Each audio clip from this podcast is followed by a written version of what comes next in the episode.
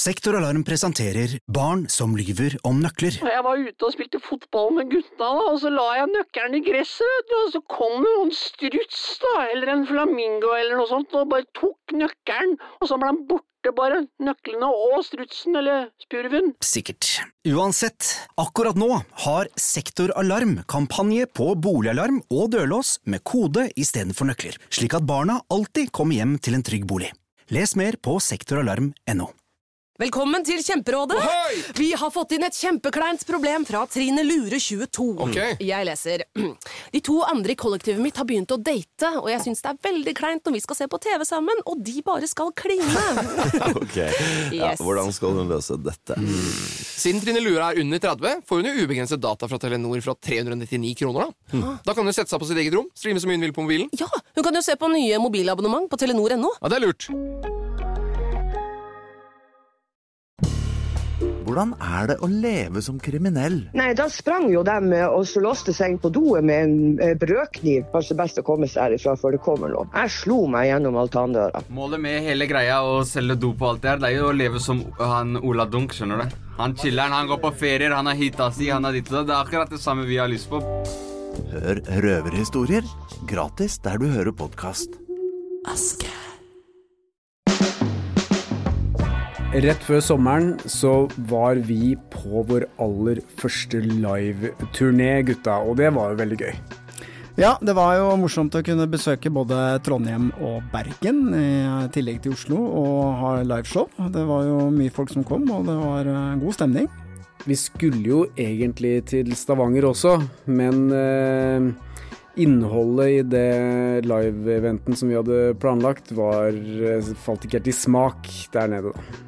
Nei, Jeg har jo full forståelse for at eh, det kanskje er litt sånn vanskelig å svelge for Stavanger at Kjell Alrik Schulman eh, kommer litt tilbake på en scene. Det har vi full forståelse for, og eh, det ble ikke noe av der. Men eh, showet gikk som planlagt, både i Oslo, Bergen og Trondheim. Men det er mange som bor i Stavanger som ble litt skuffa over at vi ikke kom dit. Eh, og håpa at vi kunne komme til en annen venue i Stavanger i stedet, siden den ene avlyste. Men de vil nå få muligheten til å oppleve showet i et litt annet format. Det vi skal få høre nå, ble tatt opp i eh, Trondheim, på byscenen der, eh, med et eh, livlig trønderpublikum. Så hvis det er noe skrik og skrål der, så er det bare vanlige trøndere dere hører. God fornøyelse. Så er det bare trøndring, er det det dere mener? Trøndring.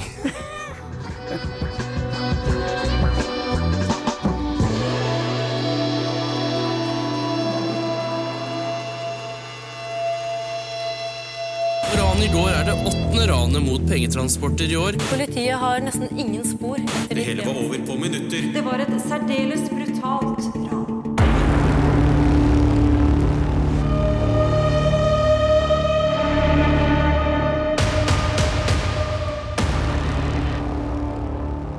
Torpedoen Jan Kvalen ble nå i kveld skutt i ryggen på Lindeberg i Oslo.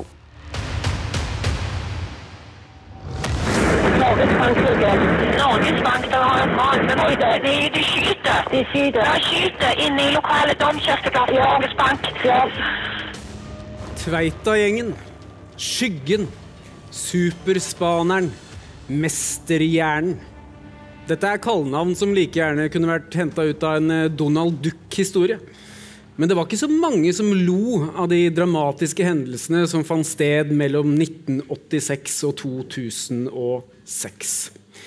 Fra den eh, spede begynnelsen på Tveita i Oslo så spredde det seg videre til resten av Østlandet, helt til det kulminerte i Stavanger. Men hvordan startet alt dette? Hvem var egentlig menneskene bak disse kallenavnene? Og hvordan kunne et slikt miljø utvikle seg til å bli en så potent kriminell organisasjon? Hvor mye visste egentlig politiet? Kunne de stoppa det mye tidligere? Alt dette og mer til får dere forhåpentligvis svar på i kveld. Dette er Politi og røver, en livepodkast fra Avhørt. Jeg er Lars Kristian Nygårdstrand, og dette er kveldens programledere, Stein Morten Lier og Helge Molvær.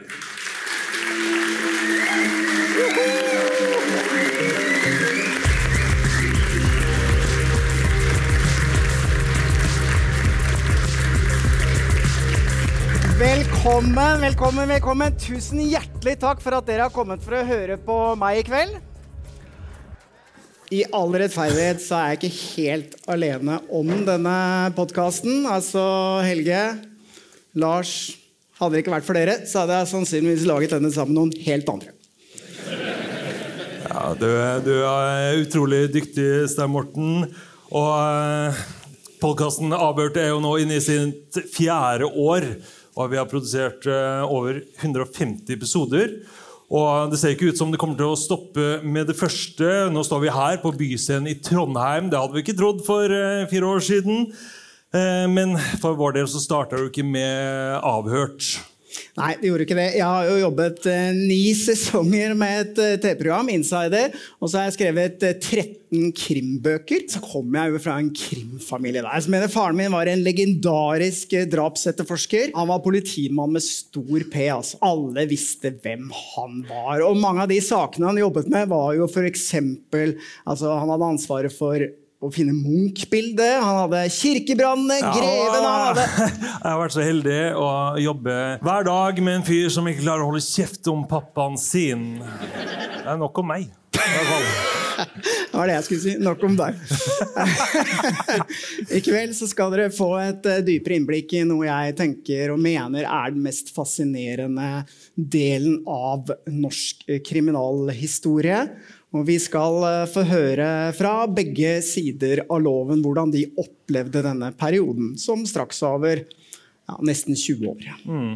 Og hvorfor er det så viktig, kan man kanskje stille spørsmålstegn ved? Jo, det er mange som lurer på det, men jeg mener jeg gjerne stiller spørsmål tilbake. Hvorfor er historie viktig?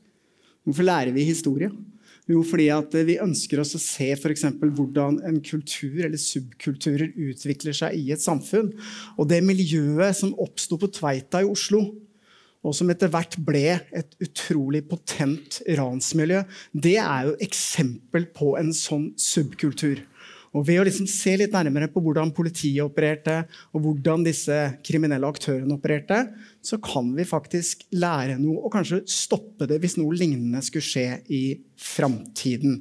Og er det egentlig så stor forskjell på politi og røver? Ja, Det er jo mange som mener at det ikke er så stor forskjell. Derfor har vi i dag fått med oss representanter fra begge sider av loven. Vi har fått med oss politispaner Jonny Brenna og røver Kjell Alrik Schumann. Da tenker jeg at det er på tide å hente inn da vår første gjest. La, la denne ville applausen gi seg. Nå, har det roa seg. Da henter vi inn vår første gjest. Han eh, jobba som spaner i mange år og var ifølge Irans miljø deres største frykt, noe som ikke var så rart, siden han stakk mange kjepper i hjula for de opp igjennom. Han ble uteksaminert fra Politiskolen i 1988 og begynte på personspaninga i Oslo i 1993. Her ble han da altså superspaneren og har jobba i ulike spesialavdelinger innen orgkrim fram til 2006, da han ga seg i politiet og startet på nye eventyr. Nylig har han vært søppelspaner. Vi skal høre litt mer om eh, det i dag, kanskje. En varm applaus til superspaneren Jonny Brenna.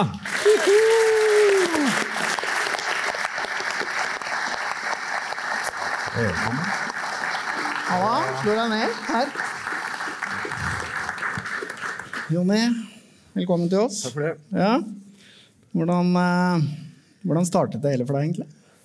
Med, hvor, skal jeg starte hen? Hvor langt tilbake? Veldig langt tilbake. Langt tilbake. Vi har noen bilder som går langt tilbake i tid. Der, ja. Det er eh, på Rindleire oppe i Trøndelag, faktisk. Ja, Eh, lokalt, Lokal forankring, det har vi vært opptatt Ja. av før vi kom hit. Ja, nei, jeg starta jo i 86 på Politiskolen. Det var jo ikke noe høyskole. Så det hadde jeg aldri kommet inn hvis det var høyskole. Det hadde ikke så Så, gode eh, karakterer. Nei, så det, jeg, jeg hadde tre ting. Det var enten gå inn i politiet, i, i uh, Forsvaret, videre i Forsvaret, på Krigsskolen, eller idrettshøyskolen. Og jeg måtte unngå matematikk. For jeg hadde, var veldig dårlig i matematikk, så jeg gjorde alt for å unngå det. Og da var det de tre studiene jeg fant at det gikk an. Det første jeg kom inn på, var Politiskolen. Og da ble det en lensmannslinja. Kom inn der. Så tenkte jeg det er sikkert greit, det. Så helt til jeg skjønte at jeg skulle tjenestegjøre som aspirant i Stjørdal lensmannskontor. Ja. Hvordan var det? Jeg skal si det, jeg hadde vært i Forsvaret da i to år. Jeg har vært bl.a. i Kristiansand og en tur på Madla. Jeg var kystartillerist, og instruktør på diverse kurs og kull og sånn der nede. Å komme derfra opp til Trøndelag, det var eh, kultursjokk. Hvordan da? Ja, den- Jeg kom en tirsdag. Eh, tirsdag husker jeg, Det var Rinda, der, der er jeg oppe og, og driver med noe pensling. Det er oppe hos Stjørdal, det òg. Pensling? Jeg driver med sporsikring. Hva hadde skjedd? Hjemmebrent? Ja, det er et eller annet. Det ser ut som en ran av en postkasse. eller Ja, det har vært et alvorlig postkasse... Ja, ja, vi, vi bare peker dit. vi var i hvert fall sånn trøstepulver, kalte vi det. Ok. Trøstepulver, sånn at de som ser at vi, vi, vi, vi tar pulver på, så tenker de å ja, nå gjør de en god jobb. Trøstepulver. De tar saken seriøst. Så om vi gjøre å ha med trøstepulver overalt. Så det var jobben din, at du gikk rundt og så Nei, men jeg, husker, jeg husker dette her veldig godt, for at jeg kom opp til uh, Stjørdal i, eh, på en tirsdag ettermiddag, og så fant jeg en gate som heter Kjøpmannsgata der oppe. Og så var det noen sånne eh, biler da, som kjørte fram og tilbake rundt omkring, og alle drev og sladda på samme sted. tenkte jeg, det er sikkert en sånn martnad eller et eller annet. På en sånn tidlig november. Nei, det var en helt vanlig tirsdag kveld. og og første, første vakt jeg var med ut, og satt tilbake i Maja. To eldre betjenter som kjørte, og så de bare satte uff, uff, sa de bare uffa seg. Og så kom de inn i Kjøpmannsgata, og så var det bare det hele gata bevegde seg. Og så gikk det folk sånn, sånn som her foran gata, med ølflaskene foran, og det var sånn, det var helt kaos. Velkommen til Trøndelag. Så, og det var, det var kultursjokk, for at det var, det var eh, hockeysveiser og barter, og det var skinnhester. Det er ingen måte å bli fornærma her nå. Nei, men altså, bare for å si det, Jeg er halvt trønder, fra Namdalen. Det er sånn, det, sånn var det ikke der oppe. Kom til Namsos, så var det ikke sånn. Da var det miléjakker plutselig, så det var helt annerledes. Du kommer til å få juling når du går ut herfra. Men, men, men Stjørdal, det var faktisk Jeg var der både på, som aspirant og i plikttjenesten, og det var den beste læringen jeg har hatt noen gang. Jeg har aldri slåss mer i hele mitt liv. Så, så når jeg kom til Oslo, så skjønte jeg ingenting i 89.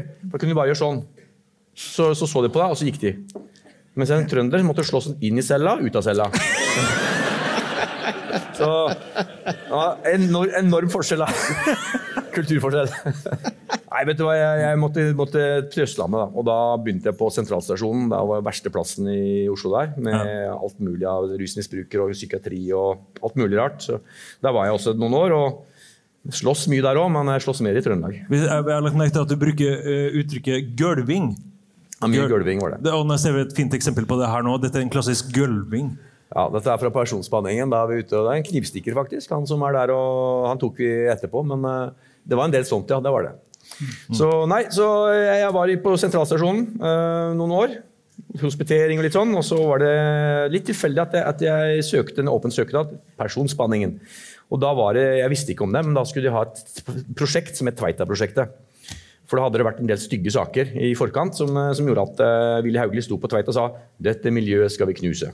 Ja, Willy Hauglie var jo politimester på den tiden. Han var du sier- legendarisk politimester. Ja, han var det. Ja. Men du sier at du begynte på personspaning. Det ligger jo litt i ordet hva dere holdt på med. Men kan du bare fortelle litt mer om hva det innebar? Altså det, det var jo utgangspunktet det å finne etterlyste personer. Rømlinger og alt mulig som, skulle etterlyst, som var etterlyst, som, skulle, som, som politiet skulle ha tak i. Så, samtidig så fikk du prosjekter som, var, altså, som da ikke var narkotikarelatert. Fordi at det var en egen stor narkotikaseksjon som hadde alt med, det med narkotika å gjøre. Og så var personspaningen de som da tok seg av de andre tingene. Og dermed så ble det en, en Tveita-prosjekt. Det ble lagt dit. da. Og 1.11. i 1993 så startet jeg for der. Som mm.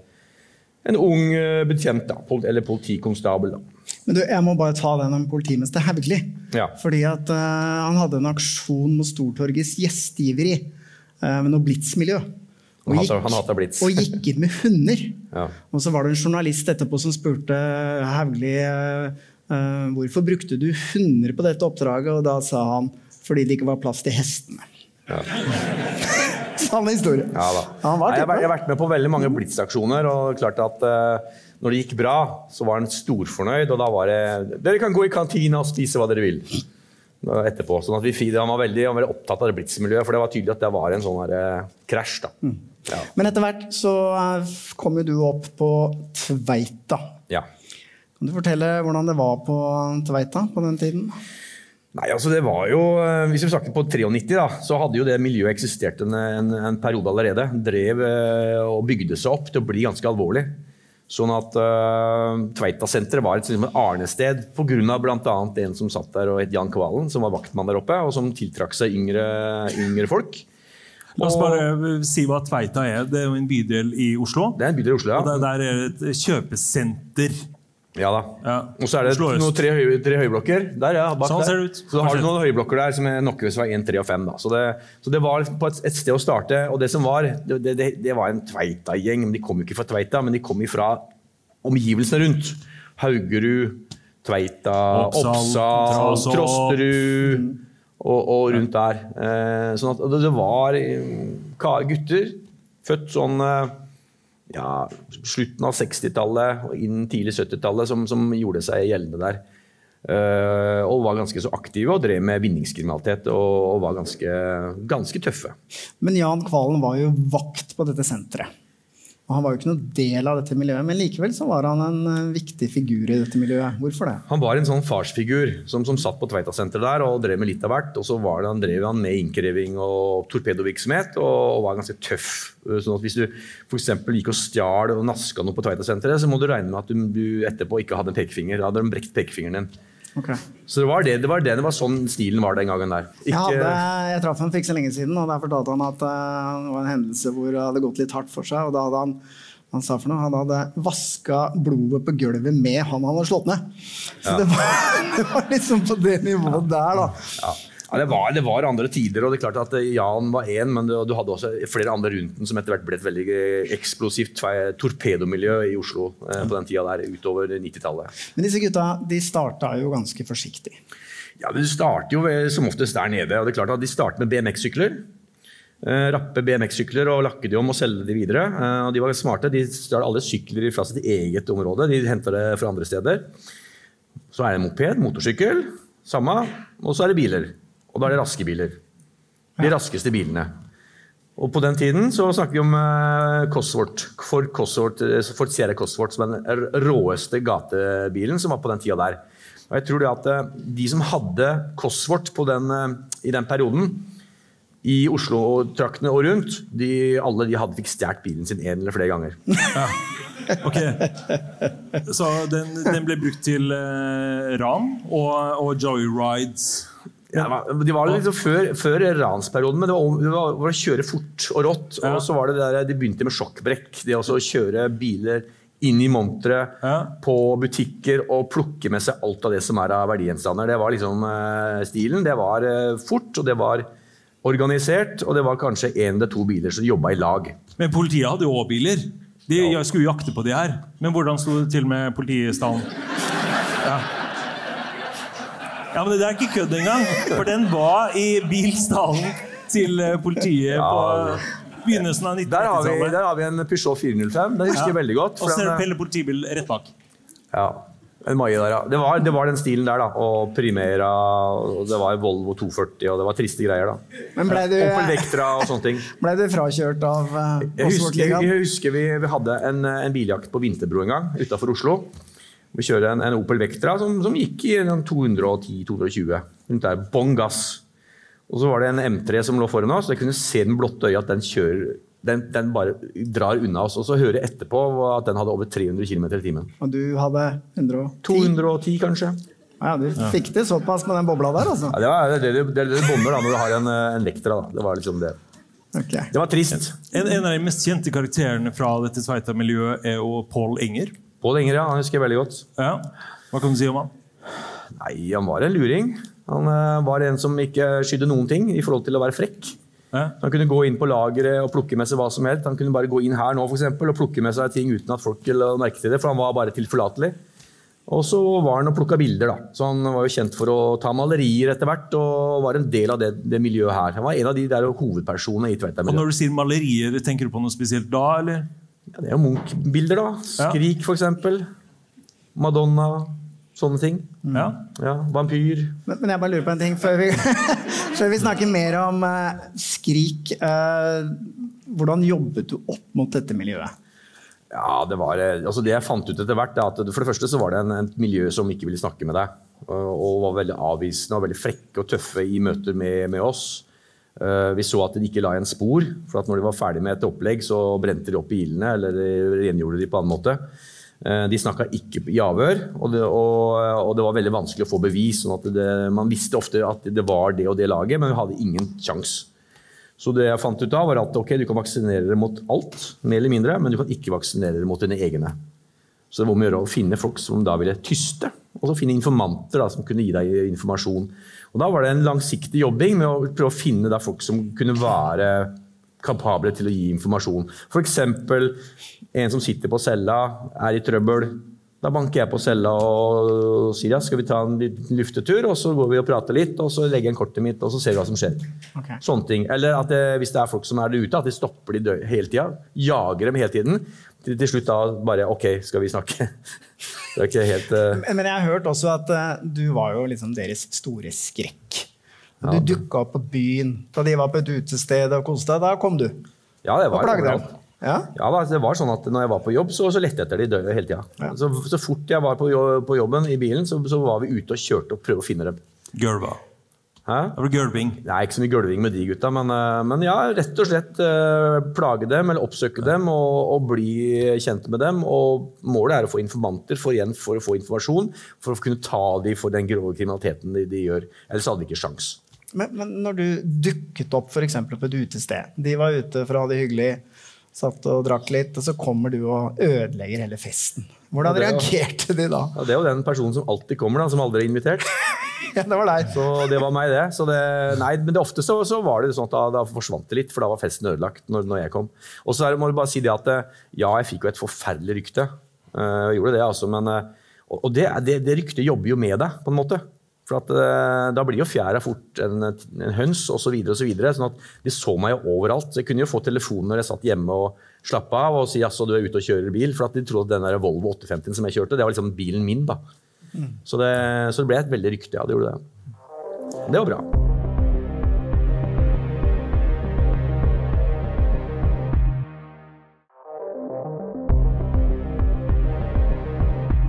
Jeg tror vi skal litt grann tilbake til uh, Pål Enger. Ja, la oss uh, ta, sette oss tilbake til uh, 1994. I ble Edvard Munchs maleri 'Skrik' stjålet fra Nasjonalgalleriet i Oslo. Politiet har foreløpig etterlyst to menn etter tyveriet. Fordi en tidlig morgen i 1994 så klatrer to menn opp en stige og inn et knust vindu på Nasjonalgalleriet i Oslo. Under ett minutt senere klarer de eh, å klatre ut igjen med 'Skrik' under armen, som var et av verdens aller mest kjente malerier, malt av eh, Edvard Munch. Og de etterlot seg en lapp hvor det sto eh, 'Takk for dårlig sikring'. Og Hovedmannen bak dette tyveriet skulle vise seg å være nettopp eh, Pål Enger, kjent fra eh, Tveita-gjengen, som også hadde stjålet Munchs vampyr fem år tidligere. Kunstinteressert type, altså. Jeg vil jo bare skyte inn der at det faktisk var faren min som var etterforskningsleder. Pappa, pappa, pappa. pappa. Jeg kan skyte inn at jeg var på jobb den dagen hvor vi pågrep folk. Men hva var det egentlig som skjedde den dagen eh, de brøt seg inn? Jo, det her var jo eh, faktisk eh, De var smarte. De begikk et innbrudd samme dag som det var åpning på Lillehammer, eh, OL. Hva, hva, hva skjer med politiberedskapen under sånne store begivenheter? eh? Nei, det er klart at Da skulle jo det meste til Lillehammer. Altså, men det, det som var litt rart, var at de som ble igjen i Oslo, det var jo personspaningen. Det var oss som skulle holde fortet. da. Det gikk bra, så jeg. Ja. Så for at, for at Man regna med at i 94 så, så er Lillehammer-OL, og så regna de med at det var spin-off fra Lillehammer til Oslo. At det skulle være liv der nede.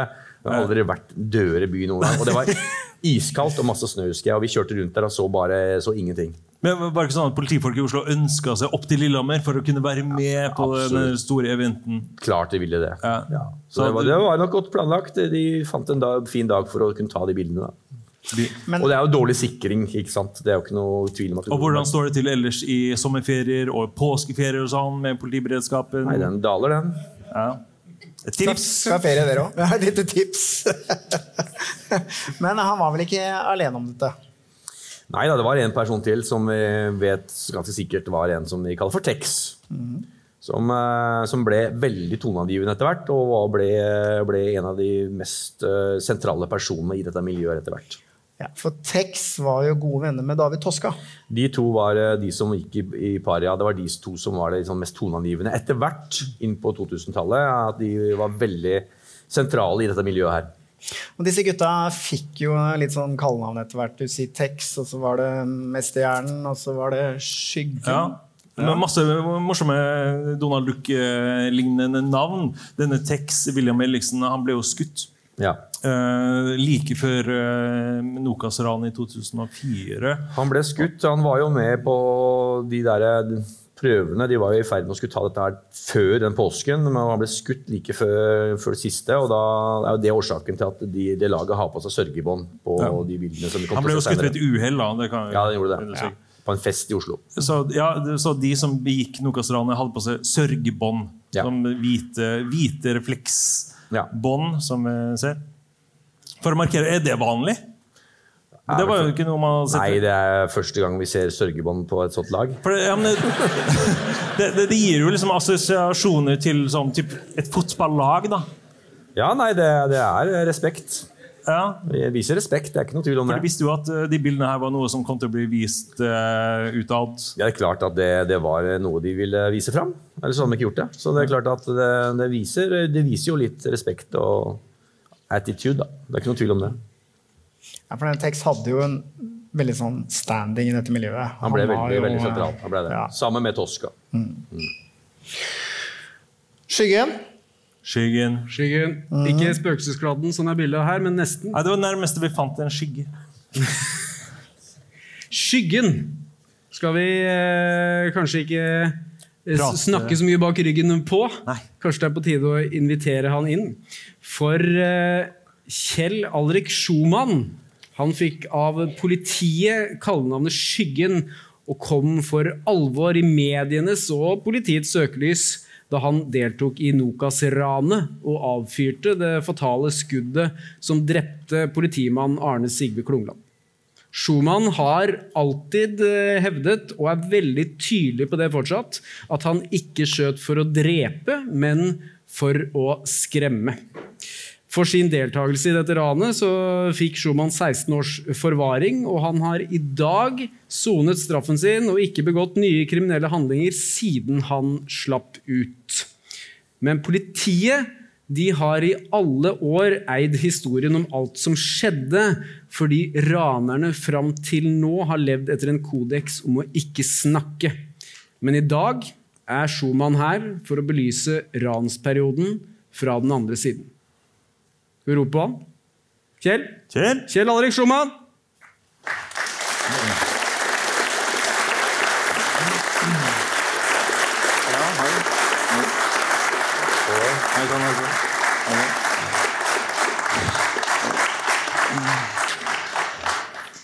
Eh, aller først, uh, Kjell. Hvordan er det å leve med det som skjedde i Stavanger? Det er, eh, det er en runde du må gå med deg selv.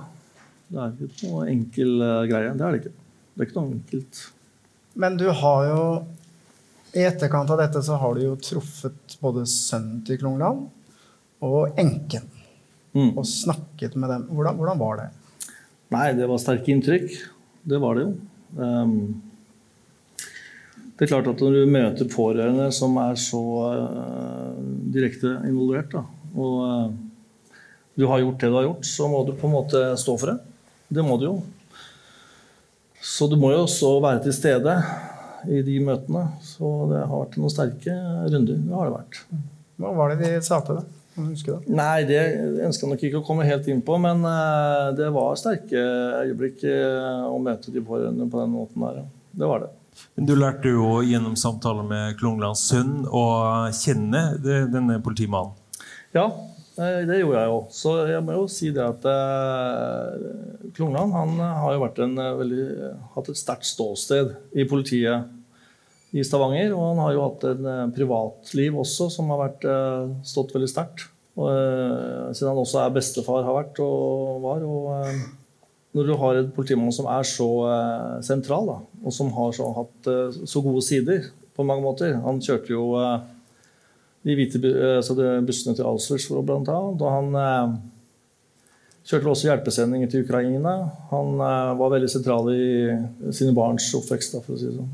Så eh, jeg fikk jo eh, god kjennskap til hans sider der. Men eh, du fikk jo Du fikk jo tilgivelse av sønnen og enken. Ja, Hvordan, gjorde hvordan var det å liksom oppleve det? Der og da så var vel litt sånn vanskelig å ta inn over seg at man får en tilgivelse. Eh, Man er jo ikke berettiget til å stå og få det, liksom. Så det har nok eh, gått litt mer opp for meg i senere tider, altså hva det innebar. da. Mm. Vi skal selvfølgelig komme tilbake til uh, Nokas-ranet senere, og hva som skjedde, hvordan du opplevde det, og hva som førte fram til denne tragedien. For det var jo det. Men uh, aller først så lurer jeg litt på uh, hvordan startet dette her for deg? Liksom? Hvordan kom du inn i, uh, i uh, Du kan snakke kanskje litt om uh, Kjells bakgrunn. Ja. Vi kan begynne der, kanskje? Ja. For du, du starta jo ikke med å, å rane telesentraler i Stavanger. Nei, jeg hadde noen bleier, det Var noen veier før du kom dit? Bleier. Bleier. Bleier. Bleier, ja. Ja. Hva, hva, var- hva var drømmen din? Hva hadde du planer om å? Nei, altså det er klart eh, Jeg har jo jobbet i Oslo i eh, mange år, selvfølgelig. Men eh, veien inn i ransopplegget altså, Det var jo vinningskriminalitet.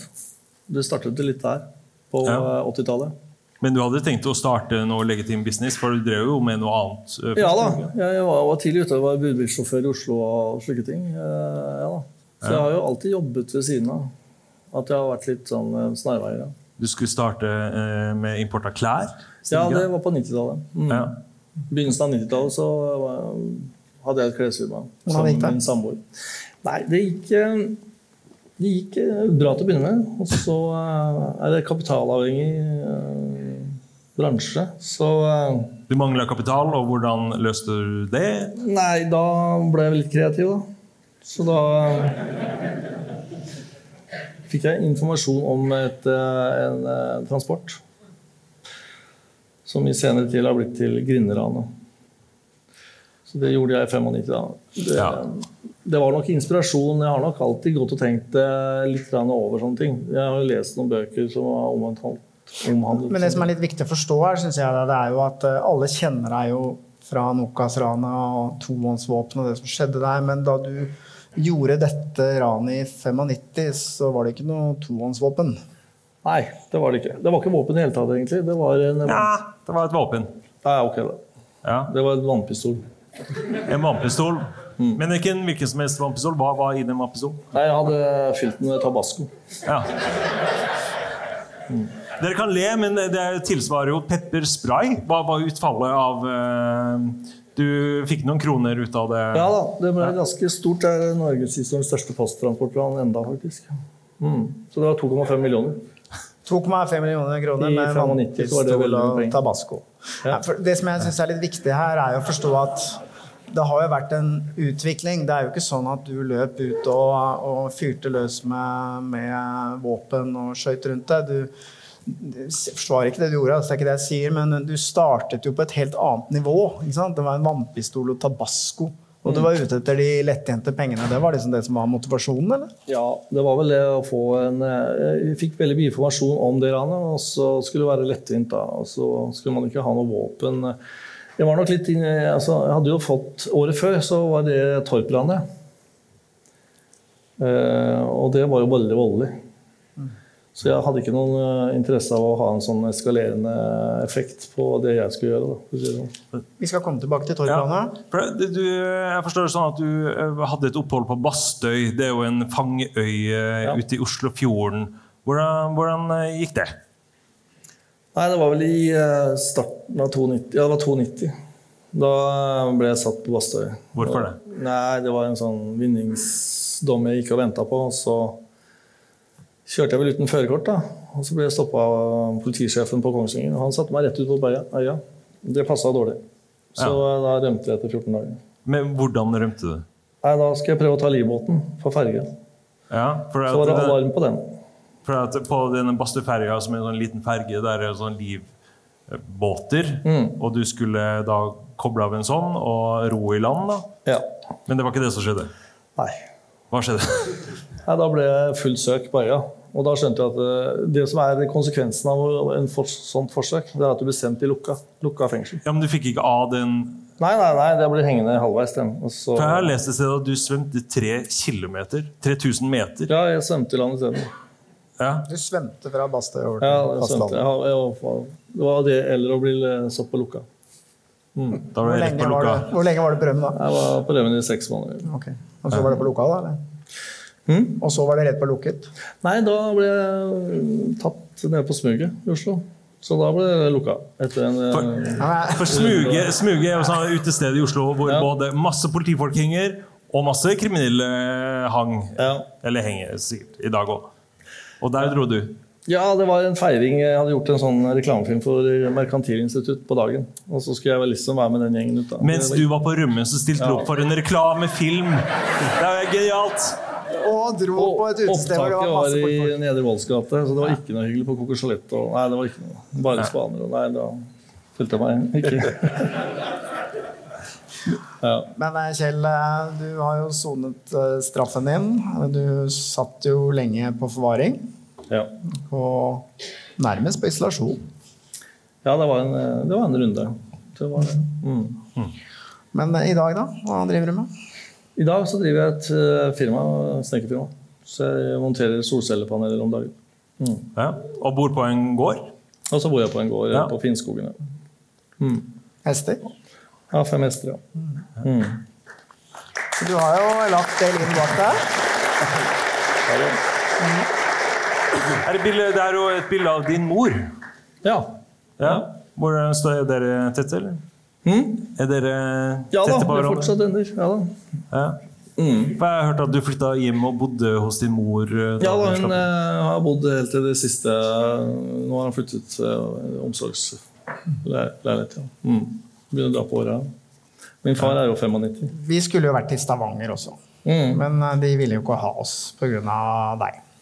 Nei. Men eh, det er forståelig, det kan jeg faktisk skjønne. Så det, men du skulle jo også være med på en konferanse i regi av Finanstilsynet som handlet om utenforskap, og så ble du utestengt fra den konferansen som handlet om utenforskap. Ja, fra Finansforbundet, ja. Ja. De, eh, ja Hva tenker du om det? Hmm? Hm? tenker du om det?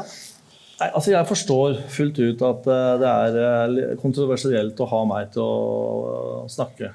Jeg, forstår det. Det er, det er mange forskjellige meninger rundt det jeg har gjort. Og det er jo veldig eh, Jeg er ydmyk på at jeg i hvert fall kan være her, da. Og så uh, ha en slags uh, fremstilling. Ja, og det er For det er jo, det er jo sånn at uh, man må ha en forståelse for at mennesker reagerer veldig forskjellig. All den tid jeg har gjort det jeg har gjort, og det er det, sånn som det har vært. da, Fremstilt, og sånn som det har vært. Mm. Det er ikke første gang du har vært i Trondheim. Du har bodd her i ganske mange år, er du ikke det? Jeg har bodd eh, på en liten krok oppe i Lia her, ja. I seks år. Seks og et halvt år. Ja. ja. Fikk du sett Så jeg føler meg litt sånn skaptrønder, egentlig. Ja. Du, har ikke, du har ikke fått sett så mye av, av eh, Trøndelag? eh, Jeg har sett her. toppen av eh, dette her tårnet. Toppen av Tyholttårnet. Det er det man kan se når man står på bakkeplanet inne bak Det er det man har utsikt til fra Ja. tunga. Men du har vært ganske driftig innenfor muren, da. Ja, ja da, jeg, jeg søker å være aktiv. ja. Mm. Hva har du gjort da? Nei, Jeg har studert eh, mediekommunikasjon på Brundalen. Uh, Charlottenlund skole. Og, um, men det var jo lærere som kom inn til meg, for jeg kunne jo ikke komme opp på den skolen. Og så um, Men du bygde jo, hvis bildet her, du bygde, dette bygde jo du. Ja da, jeg gjorde det. Ja. Det var en del av eh, Jeg tok også selvfølgelig fagbrevet i eh, snekkeren. da. Ja. Og det her kan man nå Tømrer. Tømrer, du har bygd ting som eh, man kan eh, fra Google Earth eh, se fra satellittbilder. Ja. Denne, hele den der hagen der er jo du som har bygd opp? ikke da? Ja, jeg gjorde det på snekkerverkstedet på, på Tungøya. Ja. Mm. Det var et eh, prosjekt i forhold til eh, Koro i Oslo. Som, eh, de bygde jo et bygg der til 75 millioner som forvaringsavdeling. Og da i den sammenhengen der så er det 1 som går til kunst. Og istedenfor å henge et bilde på veggen, så fikk, vi, fikk jeg også bygge den hagen. Ja, så hvis dere er interessert i å se det, så vet dere hva dere skal gjøre for å komme inn dit. Må ha forvaring. Ja, må ha en forvaringsdom for å få se Det holder ikke å gølve noen. Nei. Men eh, du nevnte Torp-ranet. Ja. Ikke sant? Og du, eh, vi må jo høre litt om Torp-ranet, fordi det var jo ganske dramatisk, Lars. Det skal vi se litt på. To maskerte menn fikk med seg nesten halvannen millioner kroner under et brutalt ran på Østre Halsen postkontor i Larvik i dag morges. De to som snakket gebrokkent norsk, er fremdeles på frifot. Fordi den 28. september i 93 så var det svenske tilstander i Larvik-området. For da var det to svenske statsborgere som tok seg inn i et postkontor i Larvik. Målet var skattepengene som hadde kommet inn til postkontoret noen dager tidligere. Eh, De to ranerne overfalt to av de ansatte og kom seg derfra med 1,5 million kroner. Da ranet ble oppdaga, ble det satt i gang en stor eh, politiaksjon for å ta dem. Og ranerne tok to politibetjenter og et eldre ektepar som gisler under den flukten. I kontakt med politiet så krevde gisseltakerne en større sum penger samt et fly som skulle fly dem ut av landet. Og det skulle de ha for å slippe disse gislene fri. da. Eh, På Torp lufthavn ble også politiets gisselforhandler selv tatt som gissel av ranerne, og de stilte et ultimatum til politiet. De skulle henrette gislene én etter én dersom ikke fly og penger ble gjort klart. Politiet de hadde ikke noe annet valg enn å gå til aksjon, og da ble den ene raneren skutt og drept av politiet. Som vi kan se denne eh, dramatiseringen fra år 2000. Veldig dramatisk her, altså. Eh, Og dette er da første gang politiet har gitt ordre om å skyte og drepe i fredstid.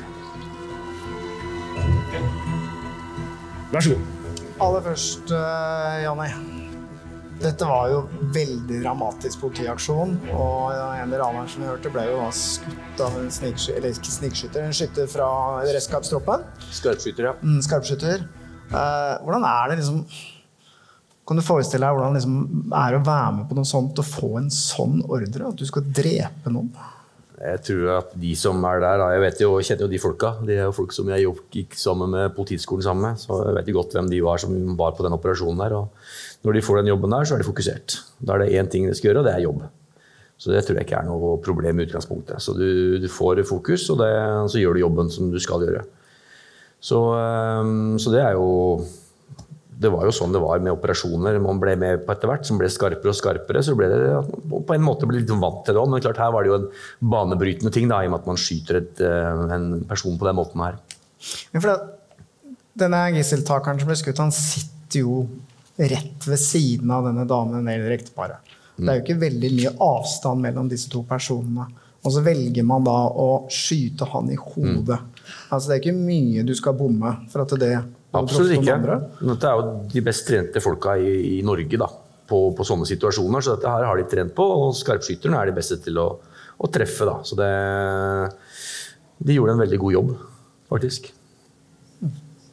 Kjell, da du hørte om det her, at politiet var villig til å eh, skyte for å drepe, la ikke det litt sånn dempe på entusiasmen for å legge ut på en sånn karrierevei? Jo da, det merkelige var at de hadde jo også gjort et ran en måned før forsøk på ran. da, Som var mislykka oppover Kongsvinger. Så de var jo veldig tett på der oppe, egentlig. Det ranet kom jo veldig tett på, som jeg tenkte. da. Det er jo samme rutesystemet og samme objekt som det jeg var ute etter, da. Men eh, det var vel det at eh, jeg hadde såpass mye informasjon, og så selvfølgelig jeg skulle jo selvfølgelig gjøre det mye mindre voldelig. Altså jeg hadde jo mye, jeg fokuserte veldig på fluktruter og slike ting. da. Jeg hadde ikke noen intensjon om å skape en sånn situasjon sånn som de eh, gjorde det. For, Jonny, det er jo veldig langt ifra eh, det vi har, har hørt om, eh, dette Tabasco-ranet og, og den eh, fremgangsmetoden. Men den, når var det du egentlig fikk eh, Kjell eh, Schumann på radaren? Når hørte du om han første gang? Det var vel uh, midten og eh, litt sånn på, ut på 90-tallet, tenker jeg. Jeg hørte om eh, en fyr som var mye nede på Spy Shop i Oslo, på Frogner der. og- Som hadde mye kontakt med innehaveren der. Han uh, hadde gode kontakter, hadde mye kunnskap om, uh, om uh, gadget, og hadde også gode kontakter inn i et veldig tungt etablert miljø, da, som etter hvert ble ransmiljø. Ja, for Spyshop er jo en, sånn eh, en butikk eh, hvor man kan kjøpe alt av overvåkningsutstyr, anti-overvåkningsutstyr, GSM-trackers og dirker og lås-ting. Eh, vi har brukt det òg veldig mye i eh, Insider. Ja, det har vi. Vi har Ja. vært der mange ganger, vi. I forbindelse med når vi har vært på spaning. Mm. Det har ikke alltid vært like vellykka, men vi har noe å lære av deg. Vi hadde en eh, seanse hvor vi fant ut at vi skulle parkere bilen vi skulle spane på en gård, og så var det sånn vanskelig å, å plassere seg riktig, så vi fikk den briljante ideen at vi skulle late som vi hadde fått motorstopp. Så vi satte ut varseltrekant, og jeg tok på meg refleksvest, og vi lå inne i bilen der og filma. Det? Ja, ja. Så plutselig så stoppet en sånn vikingbil bak oss. Og så tenkte jeg herregud, hva gjør vi nå, liksom? er Morten går ut av bilen. Jeg filmer jo ut bak, eh, bak ruta der. Og så Stein Morten går bortover. Nei, nei, det går fint, det her. Og så sier han her, eh, lastebilsjåføren i Falkenbilen som Jaså, er dere her oppe og filmer nå? Og jeg hadde liksom dratt capen godt ned og tenkte han skulle i hvert fall ikke kjenne meg, men det gjorde han med en gang, så da tenkte vi at det, det, var, eh, det var ikke så vellykket. Sånn er det å være på TV og skulle spane etterpå. Ja. Det er en dårlig idé. Mm. Er dårlig. Du, eh, det Kjell gjorde, var pengetransporter. Det var en pengetransport. Det ble mye pengetransporter utover 90-tallet. Ja, det ble en utvikling. Så det er klart at hvis vi starter litt med, med denne veien videre, så har vi jo Hvis vi gikk fra de sjokkbrekkene som var eh, sånn tidlig på 90 og utover, så får de også minibank. At de napper ut minibanker, sprengeminibanker. Eh, og så er det jo et, et klart vinningsmiljø. Store, store lagerbygg og alt mulig. Og det er mye som, som etter hvert eh, er gods, da, som, må, som de må, må de bli kvitt. Og det er også alltid et problem, for at du besitter mye gods, og så er du, du, er du, har du et helernettverk som igjen skal kvitte det for deg, og som da er, kan være ustabilt, og som igjen kan tyste. Sånn at eh, det de finner på sånn, uh, ut på 90-tallet, 97, så begynner, begynner det for virkelig, og da er det bankran. Ok. Men hvordan var pengene sikra på den tiden? Nei, det var veldig dårlig sikra. Det var jo poser, eh, altså det var jo penger bare i poser bak i biler og sånt, så det var jo veldig enkelt. Og det var jo ikke pansra biler heller, så det var jo altfor dårlig sikra i forhold til eh, den risikoen. Og så, det, det her visste jo dette miljøet om. For de hadde sine insider igjen. altså De hadde sine kontakter i f.eks. En, en vekter som kjører en, en sport, Så de visste jo da hva, alle rutiner og hva som skjedde, og hvor lett det var å få tak i penger.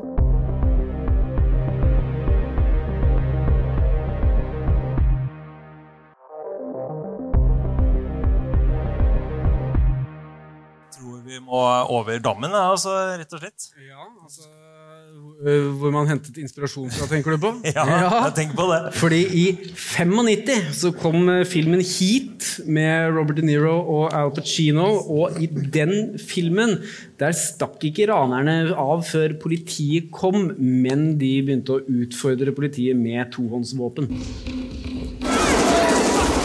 Vi har hørt at eh, ransmiljøet lot seg inspirere av den filmen her. og kan det hende at det var denne filmen som har noe av skylda for at ransmiljøet tok i bruk tohåndsvåpen og ble mer profesjonelle?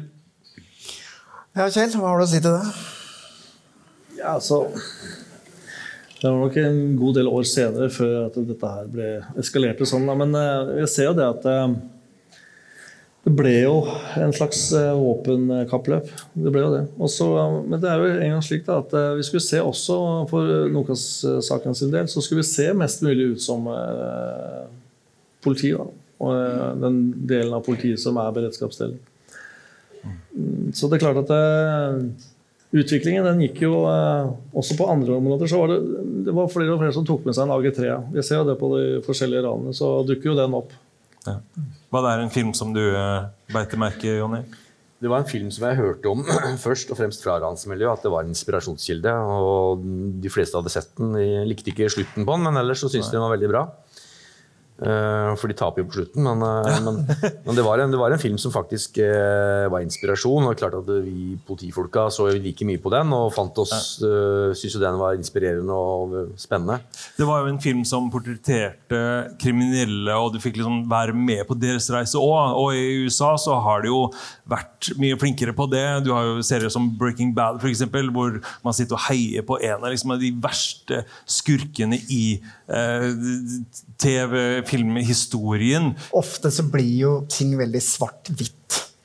Politiet de er de snille, og de kriminelle er de onde. Men virkeligheten er jo ikke så, så enkel. Ofte så er det jo litt gråtoner, og det, det er jo ikke bare sånn at man er uh, bad og bare god. Det går jo litt i hverandre.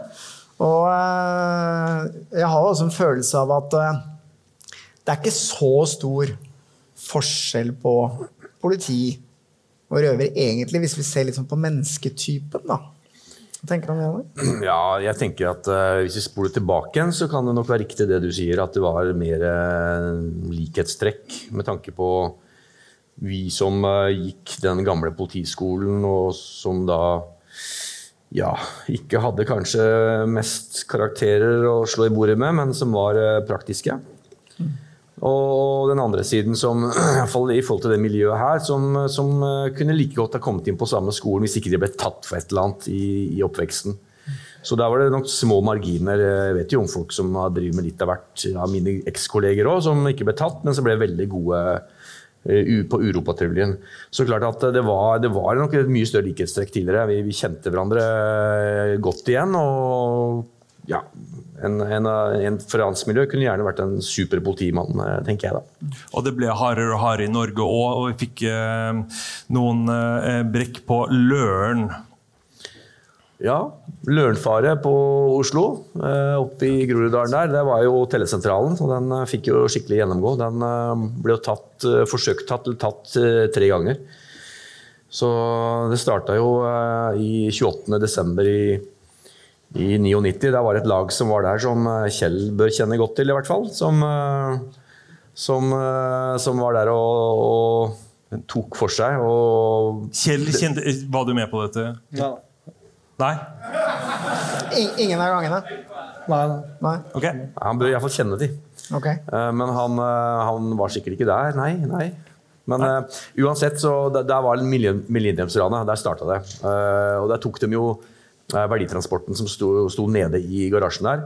Og så var det et forsøk litt senere på vinteren hvor de da prøvde seg på nytt. Men da var det et annet lag som igjen da missa for de ble for voldelige mot vekteren som ikke greide å åpne et, et skap. Og så var det da den vi ser bildet her nå, 14.8.2000, hvor det da tar eh, telesentralen ordentlig. Da kommer den seg inn i telesentralen og bare lemper ut med fulle hockeybager med penger. Og der ser du jo da en Volvo, mørk Volvo, med, og det var blålys på taket på den tidligere. og Du ser at det er uh, bevæpna folk, de har på seg kjeledresser, og det står folk og titter på som om det skulle vært en politiøvelse. Mm. Så, uh, og det her var jo etter hvert kjennemerket og signaturen til dette miljøet her. Det var sånn de opererte. De kom i raske biler, kom med tohåndsvåpen, de var, uh, hadde kjeledress, og de så ut som politifolk. Men du, Hvordan er det mulig at disse kan slå til mot det samme ransobjektet, altså den tellesentralen, tre ganger?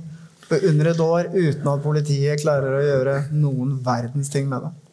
Nei, det er, det er, vanskelig. Det er et vanskelig miljø å jobbe med. Det var ulike lag som var der. Det siste laget var nok litt eh, Det var de som virkelig fikk tatt penger, da, så store penger. Så, eh, og det var for dårlig sikring. Altså for Sikkerhetskulturen var annerledes. Og, og ransmiljøet lå alltid et hestehode foran, og så kom sikringen i etterkant. Så slik var det på den tida der.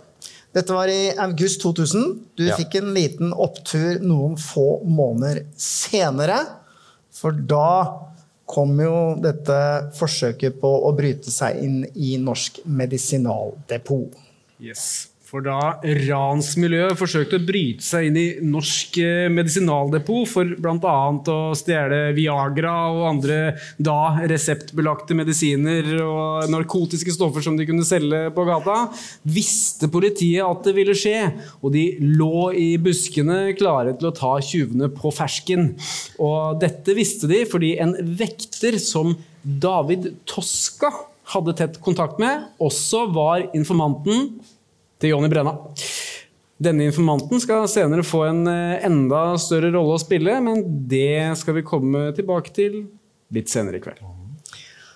Men du, du får altså servert en informant, var det sånn? Ja da, det er en informant, en som kjører verditransporter, som, eh, som tar kontakt med politiet på Manglerud. Og forteller om en del informasjon rundt Toska, Tosca. Og så blir han eh, sendt ned til ransavsnittet, sånn eget etterforskningsavsnitt som jobber med ransaker. Og, og, de tar en god prat med han, og, og etter hvert også eh, varsler arbeidsgiveren, da, som har Securitas. Og så sender de han ned til meg og lurer på om jeg kan da følge opp den informasjonen han har fremover.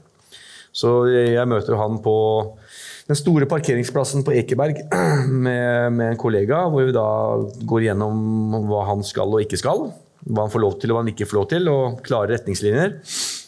Og, ehm, og, så hører jeg ikke noe mer fra han før det går en uke eller to. Så plutselig ringer han og sier at er, nå har han hatt kontakt med Tosca. Tosca og han hadde kjørt en bil rundt medisinaldepotet, og det så ut til at han var klar til å ta medisinaldepotet i løpet av den natta, påfølgende natt. Ja, og Medisinaldepotet, det er det vi ser her. Det er markert med rødt. Og der lå du og luska i buskene et sted òg? Gjør du ikke det? Jo, altså det som skjer da, det er at uh, Vi er ganske redde for at altså jeg, jeg, har jobba med dette miljøet såpass lenge nå, så jeg kjenner jo hvordan de tenker. Så, så jeg visste jo at uh, her kunne det være en, uh, en avledningsmanøver, i form av, eller en, en, manøver for å se om, om vekteren er tyster. Så at når vi får informasjon, så må vi alltid tenke ok, tester de han nå? Så vi kunne ikke være synlige på stedet. Og hvis, det, hvis, da, hvis det, testeren de er i stedet og, og, ser at politiet er der, så skjønner de at han er en tyster. Og da er han brent og ferdig. Så vi må være veldig forsiktige. Så vi kjørte inn med to biler som vi kaller for obs-biler, som bare sitter der og følger med. Og det regner, og det er mørkt, og det er uh, trist. Det er i november. Og så får jeg låne en sånn kjeledress fra Bressastroppen, og så går jeg, kjører opp til Veitvethallen, og så går jeg inn i skauen der og ligger ved sånn ja, Mohammed ER, er ikke det det står der? Mahmouds bro. Mahmouds bro, ja. ja. Der ligger jeg da og, og, følger med og ser ingenting. Ser bare en svært skygge av eh, et svært bygg. Så det var massivt bygg, det der eh, depotet der. Og så kommer Securitas-bilen, kjører rundt. Og så ser jeg, når den forsvinner, så ser jeg to skygger på taket. Da skjønner vi at eh, yes. To skygger. Skygger? nei, du var ikke med på det? Nei, nei, nei. jeg at du ikke var. Jeg så to skygger, men skyggen var ikke der. Fordi gutta blei jo tatt. Ja da, så det vi gjør Da da vi, lager vi et skuespill på, på Sambandet som er tilforlatelig, sånn at de da ikke skjønner altså De skjønner at politiet har gjort en, en jobb for å komme dit, og det er tilforlatelig. Og greier da å komme på taket og, og, og pågripe dem med, med beredskapstropp. Skur, skurken skal ikke vite at dette visste rom på forhånd? Nei, det, vi må fordekke det, selvfølgelig. Ja. Vi må gjøre alt slik at ikke de kriminelle skjønner at de har en som eh, prater, eh, prater om dem. Hvem var det som eh, var bakmann bak der? Bakmann eh, var Tosca. Han, eh, han, kjørte rundt i Der har vi den, ja. Han kjørte rundt i en bil og hadde da kontakt med informanten noen dager senere, hvor han sa det at han hadde vært i området. Hørt på, på politisambandet, og de der som var på taket, hadde klippet noen feil kabler. Og politiet hadde gjort en veldig god jobb, sa han. Men han sa det at neste gang så skal vi vinne. Ja, for du klarte jo ikke å ta Tosca, og eh, det gikk jo ikke veldig lang tid. Så kom jo denne vekteren, denne informanten, tilbake og fortalte om planer for et nytt spektakulært brekk. Ja. Nemlig bankboksbrekket. Og det skal vi komme tilbake til om litt, for nå tenker jeg alle trenger å strekke litt på beina og få seg en eh, øl, og kanskje gå ut til Soraida, som sitter der ute og selger litt merch for oss. Eh, vi er tilbake om hvor lenge? Ja, nå Ti minutter? Vi skulle hatt pause for et kvarter siden. Vi skulle hatt pause for et kvarter siden. Om to minutter! Da skal dere få høre om bankboksbrekket som gjorde David Toska til mesterhjernen.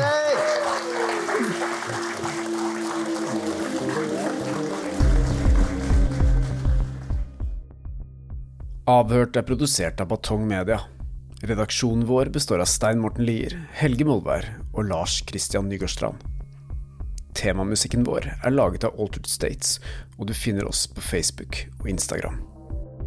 Vil du høre eksklusive episoder av Avhørt, gå inn på podme.no, eller last ned Podme-appen.